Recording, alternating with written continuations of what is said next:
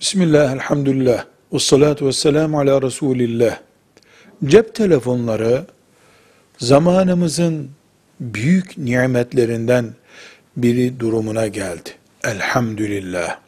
Kıyamet günü cep telefonu da hesabını vereceğimiz nimetlerdendir.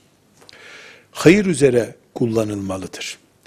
Cep telefonunun hayır üzere kullanılması iki şey demektir. Birincisi, biz bunu kötülük için kullanmayacağız. Görüşmesinden görüntüsüne kadar hiçbir şeyde kötülük aleti yapmayacağız cep telefonunu.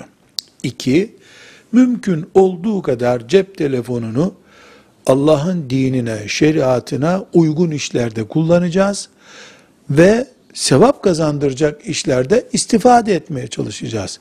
Cep telefonundan vaaz dinlenebilir, helal görüntüler alınabilir ve benzeri nimetlerinden istifade edilebilir. Kur'an dinlenebilir mi cep telefonundan diye bir soru neden soruluyor? Çünkü cep telefonu her şey için kullanılıyor ve her yerde kullanılıyor. Biraz önce müzik dinlenen bir telefondan şimdi Bakara suresi dinlenebilir diye bir kaos var ortada. Müslüman zaten cep telefonunu böyle kötü işler için kullanmayacağından diyelim ki demeliyiz ki Müslümanın telefonunda hayır işler olur, mubah işler olur, Allah'ın şeriatına uygun işler bulunur diyelim.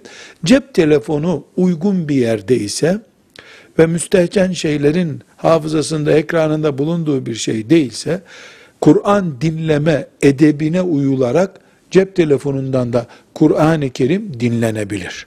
Velhamdülillahi Rabbil Alemin.